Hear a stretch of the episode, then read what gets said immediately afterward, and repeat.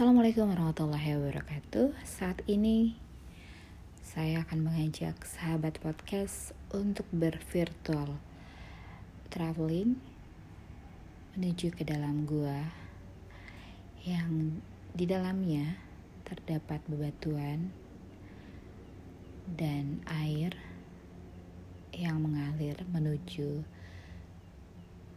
sebuah telaga pada saat kita memasuki gua nanti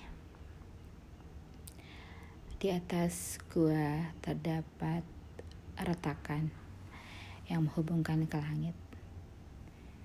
Jadi sinar matahari masih bisa memasuki gua dan angin bertiup seperti seruling memasuki ke gua mengalun bagaikan suara debu dalam padang pasir yang sangat syahdu dan sepi.